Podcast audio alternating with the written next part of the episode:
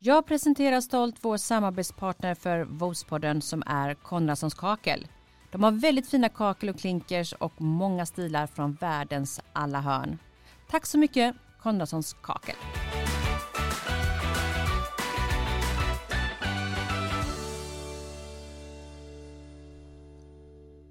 Hej och välkommen till Vospodden. podden Dagens gäst är en kvinna som har gått sin egen väg från ett tryggt arbete inom mediebranschen till att starta eget företag och bli en av de första som tog in koreansk hudvårdsprodukter i Sverige. Det kallas Key Beauty. Hon heter Linn Weilar och idag pratar vi om hennes produkter och hur man kan lyckas driva företag i skönhetsbranschen.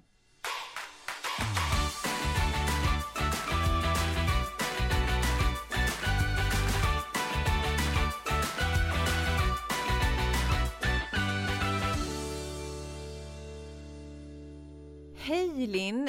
Varmt välkommen till Vospodden. Hej, tack så jättemycket. Kul att du är här. Väldigt kul. Ja, gästar oss. I den här podden pratar vi om olika resor och eh, det du har gjort är ju en liten speciell resa, tycker jag. Jag träffade ju dig för första gången på TV4 för cirka tio år sedan var det väl? Mm. Och där jobbade du som säljare och jag var ju din kund på den tiden. Ja. Eh, alltså helt otroligt vad tiden går. Det har ju hänt jättemycket. Verkligen. Det känns som ett liv sen nästan. Ja men precis. Och vi blir väl bara yngre eller? Ja, det är det man blir. Det är exakt så. Eh, men du, jag tänkte på just det här med att bli yngre och eh, vårda sin hud och så. Det är Mm. det vi ska prata om idag. Ja, Eller man spännande. blir väl inte yngre men man kan väl ändå försöka bibehålla sin hud. Man kan pausa tiden, försöka i alla fall. Ja men lite grann så. Men du berättar lite grann om eh, det du gör idag. Ja, Ja, för jag vet ju att det kallar ju K-beauty eller K-beauty. precis. Eh, K-beauty jobbar jag med. Så jag är alltså distributör av en rad olika skönhetsmärken egentligen som kommer från Korea och nu på senare tid även från Japan. För det är också ett spännande land med en spännande kultur. Eh, och det är mycket som jag gillar med de här båda kulturerna. Så jag är alltså distributör av skönhetsprodukter, hudvårdsprodukter mest från Sydkorea. Så det gör jag. Så jag eh, har tagit in och hittat mina favoritmärken i de här länderna och eh, försöker hitta ett hem till dem i Norden och i Tyskland. Precis. Det låter ju som ett eh, jättearbete egentligen. Så hur kom det sig egentligen från början att du valde den här branschen? För det är ju ändå ett ganska långt hopp mellan mediebranschen som du kunde utan till typ Verkligen. till att du liksom öppnar upp dörren och eh, kom in i, eh, skönhetsbranschen. Verkligen. Hur kom det sig att du liksom att du valde Ja men vi, när vi träffades här så var jag ju på en av de absolut största bolagen, TV4 som var en fantastisk arbetsplats. Men i mig så fanns det ju den här den här entreprenören som ville verkligen äga, jag vill äga min egen tid, min frihet och jag vill göra någonting som jag bara bestämmer vad det ska vara för någonting. Eh, och den här det flexibla livet och eh, sen är jag ju bred i, min, eh, i mina intressegrad så det hade kunnat vara någonting annat jag hoppade på också. Eh, att ta hand om sig själv har alltid legat nära till hands. Mm. Jag tycker det är viktigt. Och inte bara viktigt att man vill bli av med de där rynkorna utan att man verkligen ämnar tid till sig själv. Att man tar hand om sig själv. Och eh, den, det gör man i, Korea och det gör man i Japan. Det är som att man borstar tänderna i princip. Så eh, det, ligger, det gör ju vi varje morgon och där går man upp, man har en tid till sig själv. Man, ritualen inom K-beauty är ju att du tar en kopp te för att värma upp kroppen på morgonen. Du vill väcka kroppen till liv inifrån Mm. och på kvällen så vill du göra kroppen redo för sömn med en, en kopp te. Så det börjar och slutar med teet. Mm. Och det, sen är det en ritual som, som handlar om hur du fuktlägger men hur du masserar in olika eh, formulas till dig själv. Mm. Så det, det är någonting fint med det. Så Mm. dels vill jag jobba med det för att det är bra rena produkter. Sen vill jag jobba med det för att det är en fin kultur att föra in till Sverige. Mm. En, en bra kombo tycker jag. En bra kombo, ja precis. Men du, innan vi går in lite mer på eh, just det här att starta upp det här företaget och vad som har hänt under tiden och och eh, fördelar med, med faktiskt eh, dina skönhetsprodukter så vill jag liksom veta lite mer. Mm. Eh, vem Linn Weiler är. Ja. Berätta lite grann. Var kommer du ifrån? Jag kommer ju från, som man kanske hör här på dialekten, jag kommer ju från en riktig entreprenörsfamilj i Jönköping. Eh, där jag är uppvuxen med en pappa som startade bolaget när jag låg i mammas mage. Så, så valde han att eh, göra det och eh, och egentligen dra undan mattan helt för att man hade inte så mycket pengar utan valde att satsa allting på det här företaget, bära eller brista. Och den mentaliteten är, för då, då måste det, då gör man allt för att det ska bära. Har man inget, är alternativet så himla mycket jobbigare så måste det bara funka. Det är, så jag är uppväxt med det. Alla i familjen har jobbat i företaget. Mamma jobbade där, min brorsa har jobbat där och jag jobbade där när man gick, inte gick i skola på alla lov och sådär. Mm. Eh, och med det kommer det en, eh, ja men eh, en, en synkad familj som verkligen Mm. levde för familjeföretaget. Mm. På gott och ont. Mm. Helt fantastiskt hur vi kunde fira de här första affärerna. Att pappa började faktiskt i garaget. Eh, med då, då var det industriella mm, eh, portar, garageportar och sådär. Som vi började med i garaget. Eh, när jag var i mammas mage och Mm. till att sen ha hundra anställda och sen sedermera kunna sälja bolaget. Men Mm. det började verkligen där Mm. att börja bygga det här. Så det var ju fantastiskt att då kunna få de första kunderna och inte lika kul när vi, jag vet att vi vände hem från en semester när han tappade en affär också. Ja. Då fanns det ingen anledning att ha semestern längre utan då åkte vi snarare hem och vi alla, Kände av ja, hela ja stämningen. absolut. Det här var inte bra. Nej, och söndagar var så här, då förbereder man verkligen för veckan och då var det jobbdag liksom. Ja. Jobbkvällen började redan där.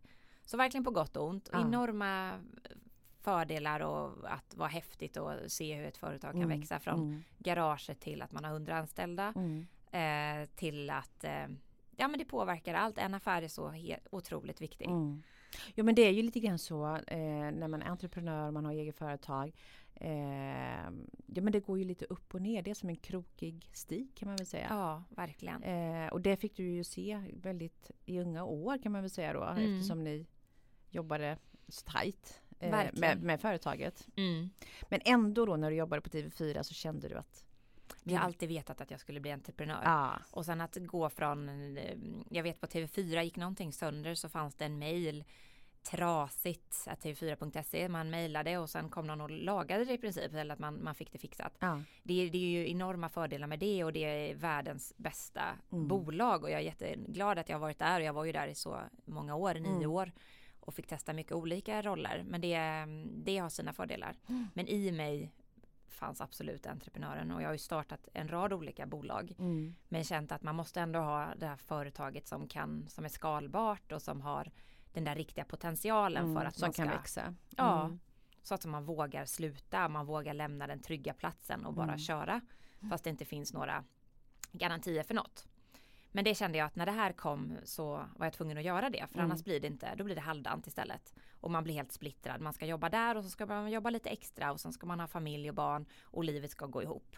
Och det, den situationen såg jag inte framför mig att jag ville ha utan då är det bättre att dra undan mattan ordentligt, ha lite smått panik och Mm. då, då börjar det hända lite, Mm. då, då sker skillnaden på riktigt.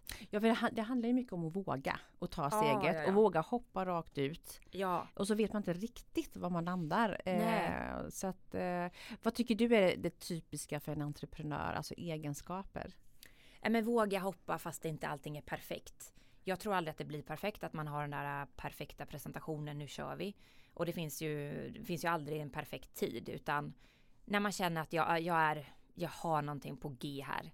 eh, Och man har liksom någon magkänsla i att det här kan faktiskt bli bra. Då måste man våga Mm. och göra det bara. Och inte vänta att jag måste göra det först, jag måste göra det först eller vänta på perfekt timing. För det dyker alltid upp nya saker, det blir aldrig det. Utan man måste och göra plats för idén. Mm. Inte göra det. Jag tycker, jag tycker inte man ska göra det vid sidan om och bli, få ett helt galet liv. Nej, Man drar undan, får panik och kör. det är det bästa. mig är det och det. satsa fullt ut. Ja, Ja. jag tror det. Mm. Och rikta det bara åt ett håll, all Mm. energi. Hur kom det sig att du liksom eh, att det blev som det blev just då? Ja, eh, det blev som det blev just då. Det fanns en, eh, en sajt som heter Bonny Bonny som skapades av två entreprenörer eller de, i Jönköping.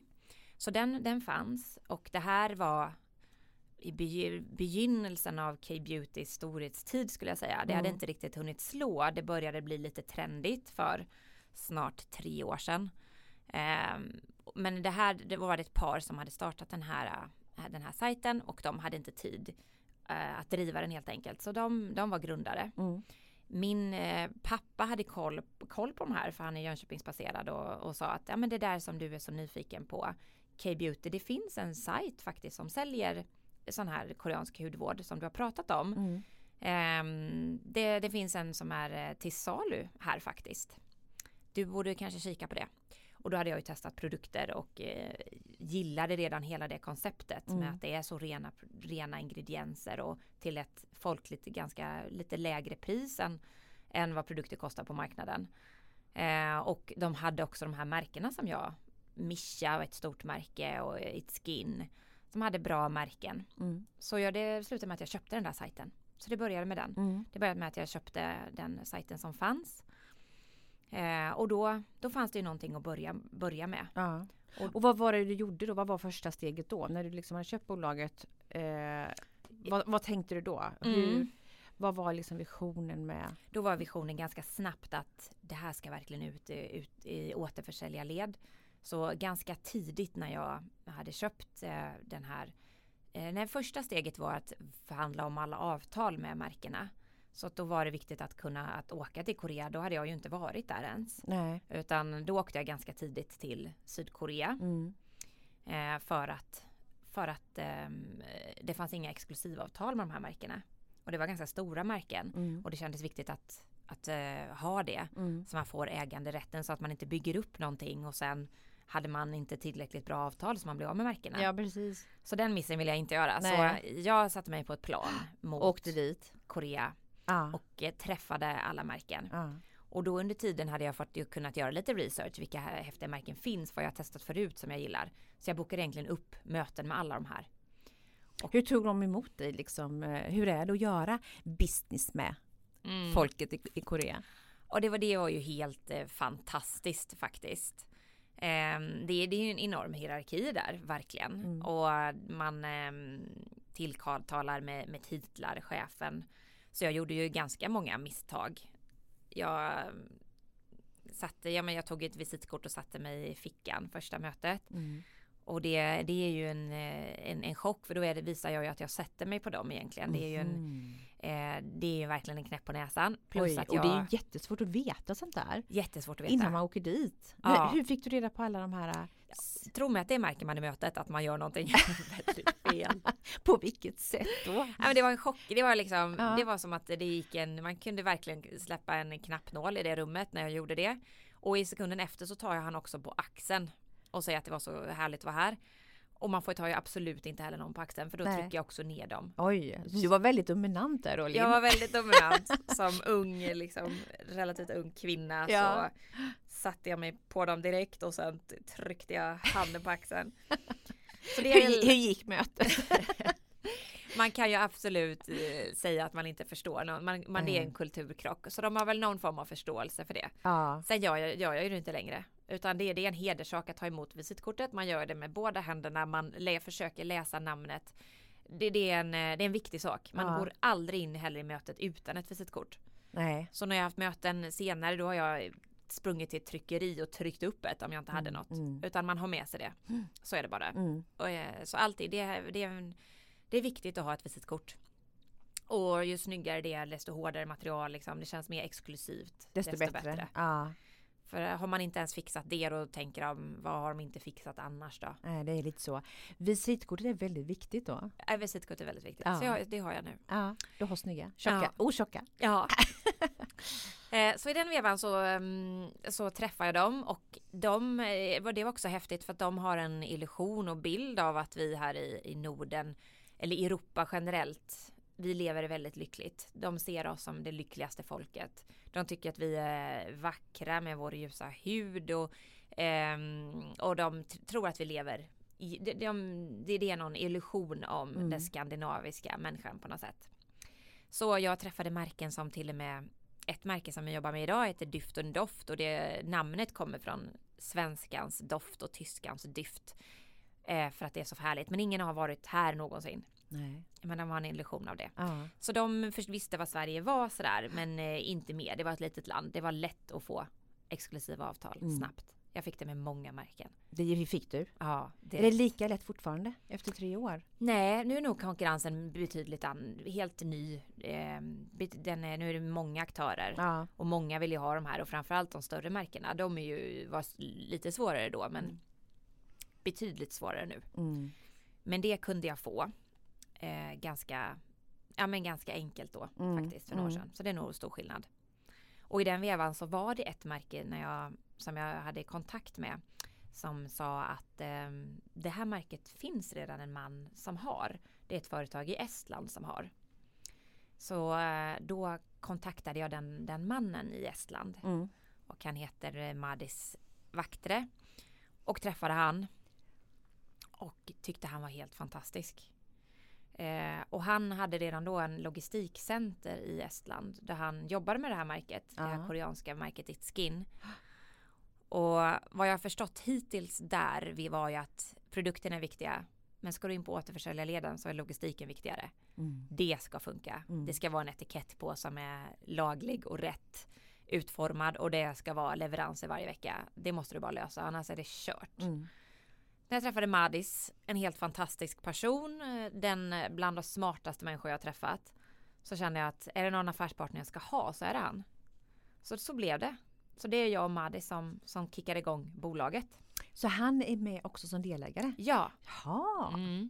Så han sköter all logistik från Ja. Estland. Ja. Och sen eh, sköter jag eh, kontakterna här. Så Ja, all, alla, allt vårt lager är där med honom. Ja, vilken eh, resa. Och att du träffade honom.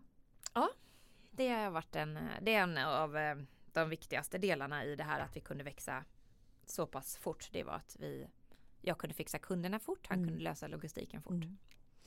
Men när du började i alla fall så, så vet jag att du hade lagret hemma. Ja, absolut. Och du stod själv och paketerade alla Ja, paket absolut. på nätterna. Klockan fem på morgonen, ställa Ja. klockan innan några barn vaknade. Ja. Hur, eh, när du tittar tillbaka till den tiden, och det var inte så länge sedan Nej, egentligen. nej. Hur känner du? Eh, Ja, men jag, det var så, då var det i begynnelsen där var det ju extremt häftigt att få, få då var det ju till Bonnie Bonnie det kom ådrar och jag skickade dem och jag, det var ju väldigt häftigt att se att eh, vad som gav vad, att, att man själv skapade och hittade kunder. Så det var ju en jättehäftig känsla. Packa själv och, och lite häftig känsla att jag var uppe innan någon annan tyckte jag och gjorde det här. Så när barnen vaknade då hade jag liksom packat dagens skördådrarna mm, och häftig känsla då att åka till posten och posta dem. Ehm, det var jätte, jättehäftigt. Det var mm, att se affären så extremt nära. Mm. Jag älskar ju affärer. Mm.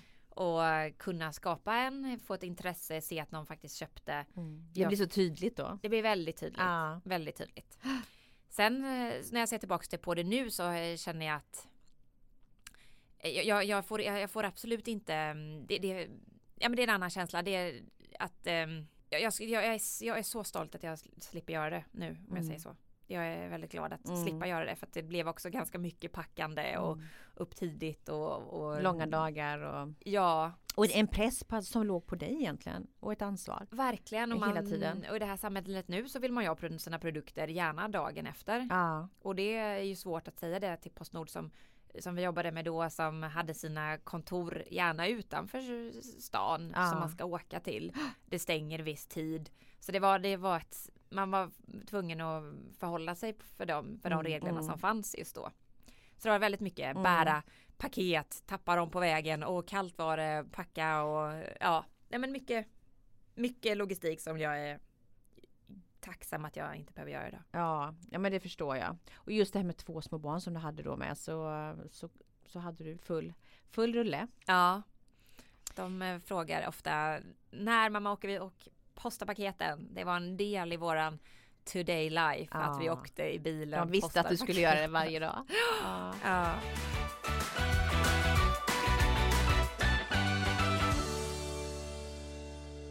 Men du har gjort en otrolig resa eh, tycker jag.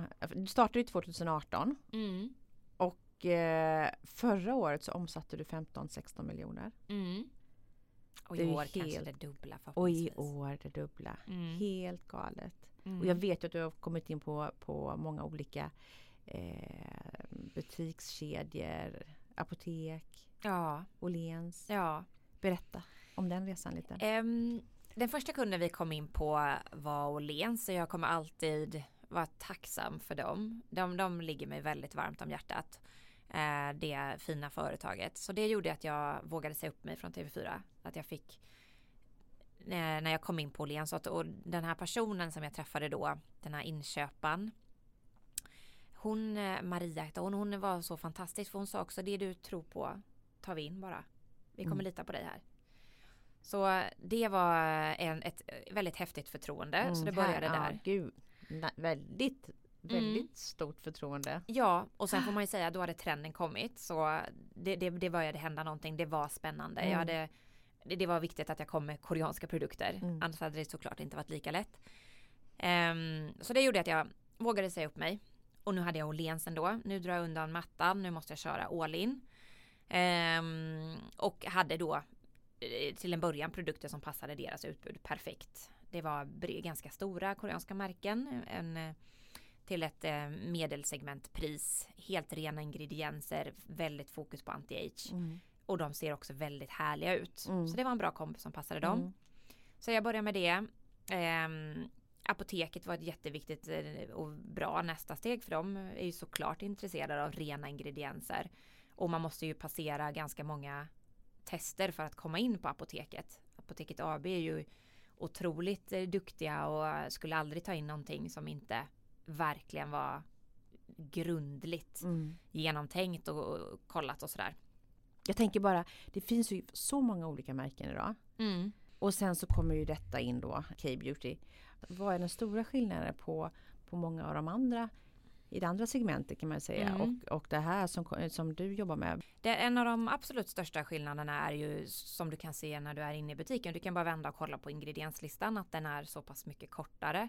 Det är färre ingredienser med mycket av varje.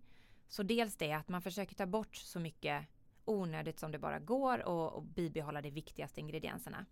Sen ska man ha med sig att i Korea så har staten gått in och köpt utrustning för att de är ju så extremt moderna i all annan teknik och de är jättemoderna med den här tekniken. Så de kan ta, ta fram det viktigaste ur en ingre- ingrediens. De kan få fram mer med, på, tack vare sin teknik som ligger cirka 30 år före Mm. Frankrike som annars är ledande. Just det. Mm. Så de har väldigt modern teknik som staten har hjälpt till att finansiera ett företag för att ni ska bli bäst i världen på det här. Ni, ni ska bli det på bilar, ni ska bli det på annat, ni ska också bli det på det här. Så att jobba med den här tekniken gör att du kan framställa mer från ingredienser och också annorlunda ingredienser. Snigelserum Mm. är ju väldigt... Ja, vad har du i som, Ja. är, som är liksom de stora delarna? Eh, snigelsekret är då en... Ah. Eh, ehm, är ju eh, typiskt K-beauty Ah. ingrediens som är väldigt eh, jobbar väldigt mycket anti-age. Mm. Eh, men andra, guld är ju en jättegammal ingrediens, finns ju Mm. i andra märken också. Men guld, ros, honung, kål, ehm, ginseng är typiska I, I de här produkterna. Ja. Mm. Jag tänker på guld. Det Mm. finns ju som, som du sa i andra märken också. Mm. Vad gör just guld för huden? Guld stimulerar blodcirkulationen väldigt mycket Mm. och blodcirkulationen är ju en av de viktigaste eh, att få, få igång den. Mm. Det stimulerar ju våra celler och det eh, stimulerar eh, huden. Mm. Så det är, och det är liksom verkligen inifrån. Så det, det gör till exempel det, det är guld väldigt bra på. Mm. Och mycket annat också. Mm. Men just det. Sen, sen vet jag att eh, det är olika steg också i Ja, K-beauty. Verkligen. Ja, men det låter ju jättejobbigt. Ja, det låter och jättehärligt. Tänk att du sätter den som en eh, ritual. Att du går upp en Ja, kvart innan ja. någon annan vaknar. Och den tiden ägnar du bara åt dig själv. Gärna ska du ha det här kopp teet. Så att det är verkligen helt tyst. Absolut inte ta fram mobilen och ge dig i huden det här ljuset direkt. Absolut inte. Utan du börjar helt själv. Mm. Och sen så har du, den klassiska rutinen är ju to- eh, 10 steg. Man kan ha den till 14. Just nu har jag 12 steg. Och känner jag kommer, jag kommer aldrig sluta med det tror jag inte. Utan att får man in den rutinen och det behöver inte ta så särskilt lång tid. Mm. Utan, eh, och, och jag säger inte att man börjar med K-beauty så måste du ha tio steg. Absolut inte. Du Nej, kan för köra behöver tre. man verkligen ha det? För jag menar, det är ju för många väldigt stressigt på morgonen. Mm. Eh, om man har småbarn och, och det ska packas eh, Mm. väskor. Och, Men på morgonen bestämmer du hur din dag ska se ut. Ja. Om du får börja helt själv en kvart och tänker att den här dagen är det viktigaste, den viktigaste i mitt liv nu. Idag börjar en helt ny dag som inte har varit. Mm. Hur kan man då börja den på bästa sätt? Mm. Den där lilla kvarten tycker jag påverkar hela dagen. Att jag får den, får jag en riktig rengöring, jag tar hand om mig själv ordentligt. Känner att jag känner mig rätt pigg Mm. när resten av familjen kickar igång och vaknar. Mm. Det ger mig mycket. Mm. Och sen ser jag också att till exempel jag har rosacea men, men bara att behandla den aktivt så har den faktiskt, jag ser enorm skillnad på kort tid. Så att se de här effekterna också Mm. gör ju att det Då är det ju ja, otroligt mycket värt. Ja. Och gå upp kanske en kvart tidigare. Ja. Så, som det kanske handlar om egentligen. ja och max det. Och max minuter, det. en kvart så, Ja. så är det, har du klarat av rutinen. Ja. Och Kan, sen, kan du berätta lite grann, vad är delarna i den här rutinen då med de här olika stegen? mm, Det är ju rengöring först kan jag tänka mig. Ja, absolut. Och, och sen är det, är det ju grunden som är allt. Det är ju jättebra om du dricker mycket vatten. Det är väldigt bra att du sover. Det är väldigt bra att du tränar så att du får svettas. Det är ju grunden till ett trevligt liv generellt och att du tänker Mm. på kosten. Allt sånt hör ju till. Men du lägger absolut det inte med smink och du ser till att inte lägga på någonting om du inte är riktigt ren i ansiktet. Så den första rutinen är väldigt viktig att du har en rengöring och den, det är gärna en dubbelrengöring eh, där du både har en, en oljerengöring som löser upp olja. Smink har ju olje, mascara och sådär. Att du Mm. löser upp med olja och sen en lödderengöring så att du är väldigt ren när själva de aktiva processerna sätter igång. Sen är du alltid lite torr för att pH-balansen har lite eh, har gått lite ur balans efter en rengöring. Så det måste du återigen direkt anamma och därför använder man en, en toner Mm. för att få tillbaks det.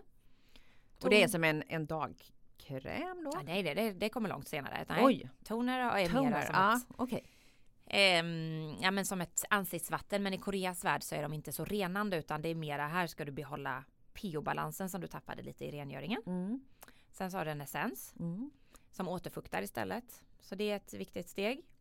Eh, sen beror det på hur många steg du har men där kan ett ehm, serum komma. En ampull eller serum. Eh, där sen så om man ska använda en sheet mask till exempel som är typiskt K-beauty Mm. då ska du också göra huden redo för en sheetmask. Man ska, går inte på och ta en rengöring och, och ta en dagkräm direkt eller en nattkräm. Man ska förbereda huden för att få den där nattkrämen annars kommer den lägga sig som ett litet lager. Okej, Så att det är så då tar man en mask där kan man ta en mask. som ligger hur länge då? Ungefär 20 minuter om man vill. Men det gör Ja. man tre gånger i veckan någonting. Ja just det. Mm. Men, ehm, Och då blir det mer på kvällstiden? mm, ja precis, det gör jag inte på morgonen. Nej. Men man ska inte, målet är att inte ta en, en, en nattkräm och bara gjort en rengöring så att man har två steg. Det kan man såklart göra. Men för att den här nattkrämen ska gå in ordentligt då, då är det bra att förbereda huden. Mm. Att ju tunnare material, tunnare formler går mot tjockare, tjockare, tjockare om man slutar med den som är mest återfuktande. Mm. Så serum, sen kan du ha en sheetmask ehm, och sen är det dag och nattkräm, ögonkräm och sovmask och kanske en mist. Mm. Vilken är din favorit då? Eller favoriter? Du har säkert flera favoriter. Ehm, ja men nu är det ju lite kallare ute. Ja. Då har jag en ehm, eh, nu har jag hittills har jag haft en vår klassiska snigelkräm från Mischa Mm. som, eh, som jag tycker är, gör jobbet väldigt bra som väldigt återfuktande. Nu har jag en dag och nattkräm som är en favorit från Changpry. Mm. Vårt märke som vi säljer på NK bland annat.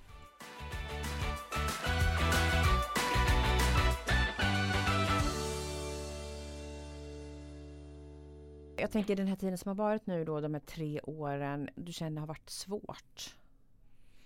Ehm, det är verkligen svårt att till exempel om man ska, all, man vill ju växa och bygga världen framåt men vågar man anställa? Mm. Det har varit väldigt svårt.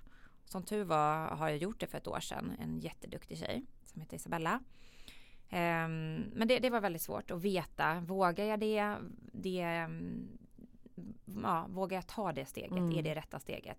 Och det är sen- nästan det första eh, anställda är ju den, eller första anställningen man gör är ju nästan det svåraste. Ja, verkligen. Ja. Så det var, var svårt. Mm. Att, eh, för man, man vet ju bara efteråt vad som var bra och vad som inte var bra.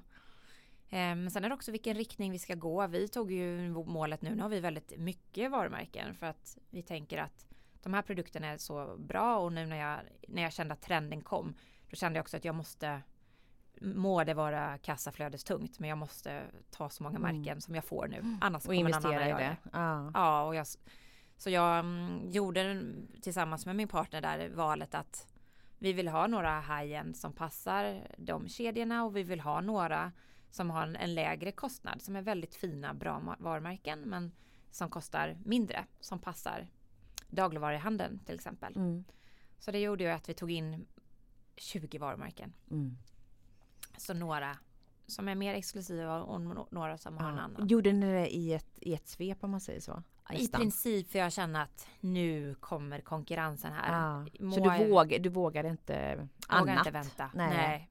än att göra det? Nej. Så jag gjorde det snabbt som ögat Ja. faktiskt. Har det kommit några fler efter? Ja, gud ja, det gör det. Ja. Det är många som är duktiga. Jag skulle säga att det Eh, nej men det, det går rätt bra för, De för samtliga Mm, som, mm. eller det ska jag inte säga, säga heller, men de har, som har lite uthållighet Mm. tror jag det går rätt så bra för. Mm.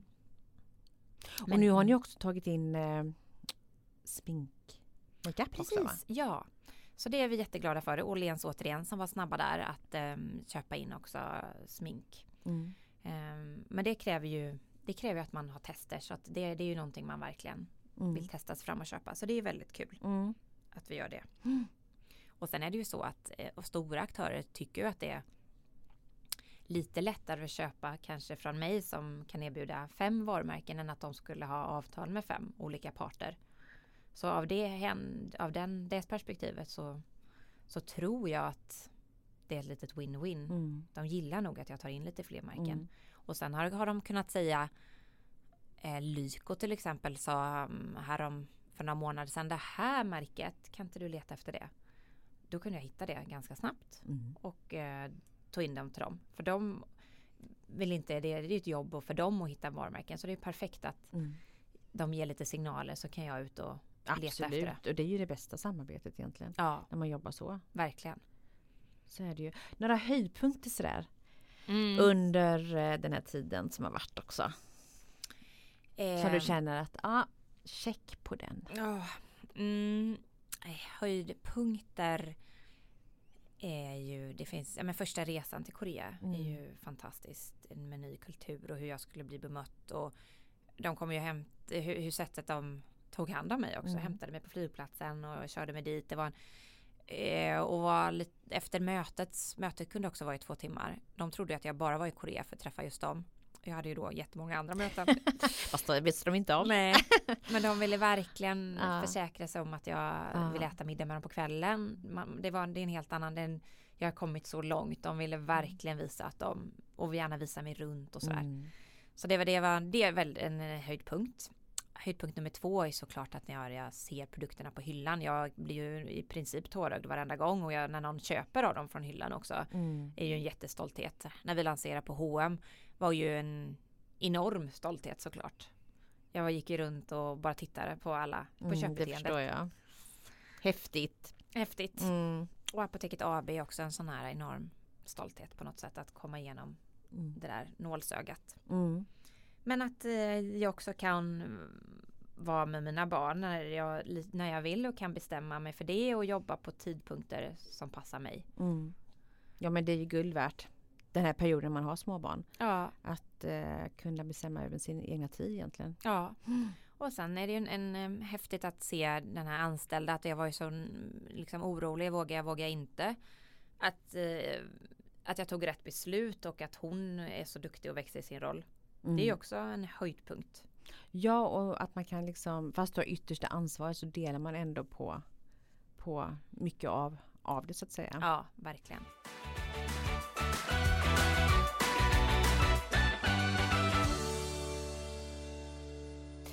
Ett ämne då som vi tar upp på VOS då eh, regelbundet det är ju då karriär och kvinna och där lyfter vi olika kvinnor som har gjort en resa i sin karriär på olika sätt. Jag är ju själv en egen företagare. Eh, men man ser ju ändå fortfarande 2020 så är det ju en obalans i olika jämförelser. Mm. Just i näringslivet då mellan man och kvinna. Tycker mm. jag. Mm. Eh, och jag vet att du tycker de här frågorna är viktiga också. Ja, det tycker jag. Vad skulle du vilja göra kring de här frågorna om du hade fått liksom full mandat mm. att ändra på något kring ja, men, det här? Ja, åh, det, det är väldigt, väldigt spännande och det känns att det bör gå, gå snabbare kanske än vad det gör. Men jag skulle vilja att man eh, skapar en mer, man pratar mer om det, man bollar idéer, man, man sitter inte på sin kammare utan med kvinnligt företagande eller företagande generellt att man, man, man pratar mer om det. Man lyfter upp frågan, man tar hjälp och de här olika kvinnliga initiativen, Feminvest och många olika initiativ som just investerar i, i kvinnor. Att, att, det, att det blir mer viktigt, att man ser vikten av det. Mm. Um, och sen um, Ja men, men, men jag tror det man, man, man eh, ja, man måste inspirera andra att för de andra kvinnor som kommer ur skolorna om man, om man vi får höra att det inte är så svårt att våga ta steget och sen så kanske idén blir någonting helt annat. Man måste våga. Mm. Man får testa av, ringa kunder för att få feedback. Vet man att, äh, att man kan skapa sig äh, den här friheten och brinna för sin idé. Att det inte är så svårt, det är inte så tungt, man behöver inte vara eh, livrädd för ekonomin, man, det är många olika saker. Vet man att, man, man, att våga testa kostar inte så mycket. Nej. Då kanske fler vågar göra det. Mm. Och än att man sitter på en idé i flera år mm. och sen vågar. Du tänker att det, det hänger mycket i att det är för få kvinnor som startar företag. Ja, tänker du? Ja. För att det är och det beror på att det är en obalans då i ja, i ja. näringslivet. Jag, jag, tror att många har den där äh, lilla idén inom sig mm. vad man mm. skulle vilja göra. Men steget till att drömma den, till att genomföra den är ganska stort. Mm. Så får man reda på att det steget, att bara ta steget mm. är good enough. Och sen får man, får man se exakt vilken form det får tror jag mm. skulle göra att folk, mer folk vågade. Mm. Man behöver inte heller ha hittat hela investerarnätverket bakom sig innan man kickar igång. Man kan mm. börja med små medel. Mm. Men kan det vara så att eh, kanske redan under skoltiden gå ut och prata med tjejerna? Mm, absolut, det tycker jag absolut. Att, eh, och lyfta liksom det, ja, men det självförtroendet hos dem att våga ja, ta verkligen. steget. Alltså för de som vill ja. bli egna företagare. Verkligen. Att man redan där börjar och lägga in mer sånt kanske i skolan. Inte vet jag. Ja, det var bara en idé verkligen. så här, som man Verkligen. Ja. Och får prata med, med ja, men får, får olika förebilder som har lyckats på olika sätt. Nu sker väl det säkert till, till viss del men ännu mera att eh, berätta att det här, det här är ett, ett, en väg att gå som inte behöver vara så extremt jobbig mm. utan innefattar väldigt mycket härliga saker. Mm. Friheten att få brinna för sin sak och mm. Eh, bara genom att våga lyfta luren. Det tror jag också. Alltså våga, våga ringa dina kunder. Våga mm. ringa kunderna innan du har det, det exakt färdiga, mm. färdiga mm. paketet. Mm. Nej men jag håller med dig. Absolut.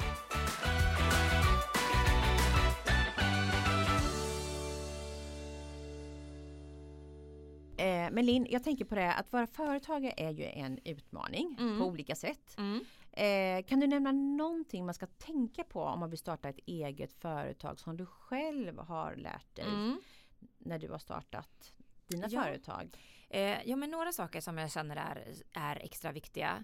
Eh, ja, men ett som jag var inne på innan, dra undan mattan och kör. Eh, håll inte på och gör livet helt galet och ha tusen saker för utan målinriktning och fokus på den saken. Eh, det tror jag absolut. Och då får man också som sagt lite panik att det måste gå bra. Eh, två är att ta hjälp. Det är helt omöjligt att du ska kunna allting själv. Eh, ta hjälp av alla du känner. Det finns så många i ditt nätverk som, som vet mycket mera än vad du själv vet. Ta hjälp mm. av alla. Sätt verkligen, nummer tre, gör verkligen en budget. Skulle jag säga. Så att man ändå fattar att ja, men det finns lite lönsamhet här. Det, man, för jag har sett ganska många exempel också att eh, man gör en, en superhärlig positiv budget som inte riktigt överensstämmer med, med verkligheten. Så lägg tid på att göra den där budgeten. Sen när du har gjort det så, ehm, så behöver resten inte vara perfekt. Släpp det även om det inte känns 100% färdigt för det blir aldrig det. Mm. Utan go to market. Börja prata med folk. Börja ta kontakt med människor. Ehm, och var superstolt med det du har tagit fram. Det behöver inte vara helt perfekt för det blir aldrig det. Nej. Utan var superstolt för nu har du faktiskt kommit en bit på vägen. Du har vågat släppa allting. Du har tagit hjälp och fått budgeten fixad och du har, har den klar och sen börjar kontakta kunder. Det viktigaste är ju det femte steget då om det blev fem steg här. Det är ju att bara, du måste ändå ha kunder. Så mm. att våga kontakta kunder i, i ett skede när det inte ens behöver vara klart. Du har kanske Nej, och till och med en idé. Men, men precis och sen så tror jag också att eh, det man ska starta oavsett vad det är och vilken bransch det är så måste liksom det finnas ett behov också på marknaden. Mm. Eh, som gör att det blir lite unikt. Ja, Eller precis. det blir unikt ja. i, i, eh, i den branschen. Det, ja. tror jag, det tror jag också är väldigt viktigt att man att det finns en efterfrågan eh, många gånger. Absolut, ja men det tror jag. Det, och det är väl också häftigt, man kan ju ha en, en superidé som kan funka ändå. Men just när man börjar prata med folk och, och få lite input och olika saker, då kanske idén, eh, roten kommer vara så som man själv kom på, men man, man fixade den lite, man formade den lite efter inputen man får längs vägen. Mm. Så jag tror verkligen vara lite öppensinnig och inte säga att det jag kom på från början är exakt så som det ska vara. Nej.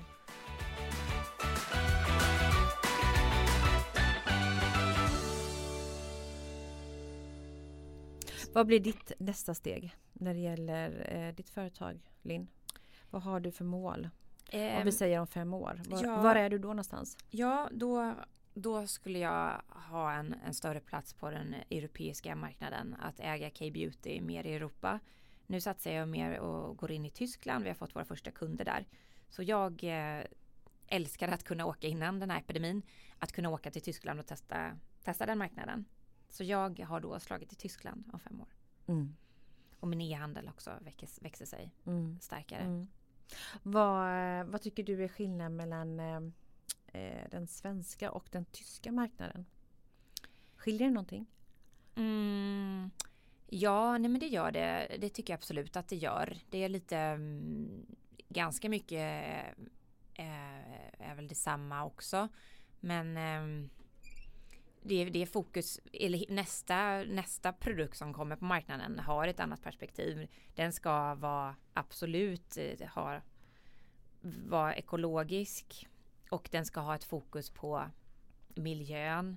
Förpackningarna ska vara, vara skapade på ett sätt så, så att det gynnar miljön. Mm. Det finns en ett viktigt miljöaspekt och framförallt för att vi vill inte hitta de här produkterna i haven. Liksom, utan det måste vara morgondagens produkt kommer se ut så. Mm. Och det känns som att eh, det är ämnen som berör i Sverige absolut men mm. även Tyskland. Så det är väl beröringspunkter att man tänker på det.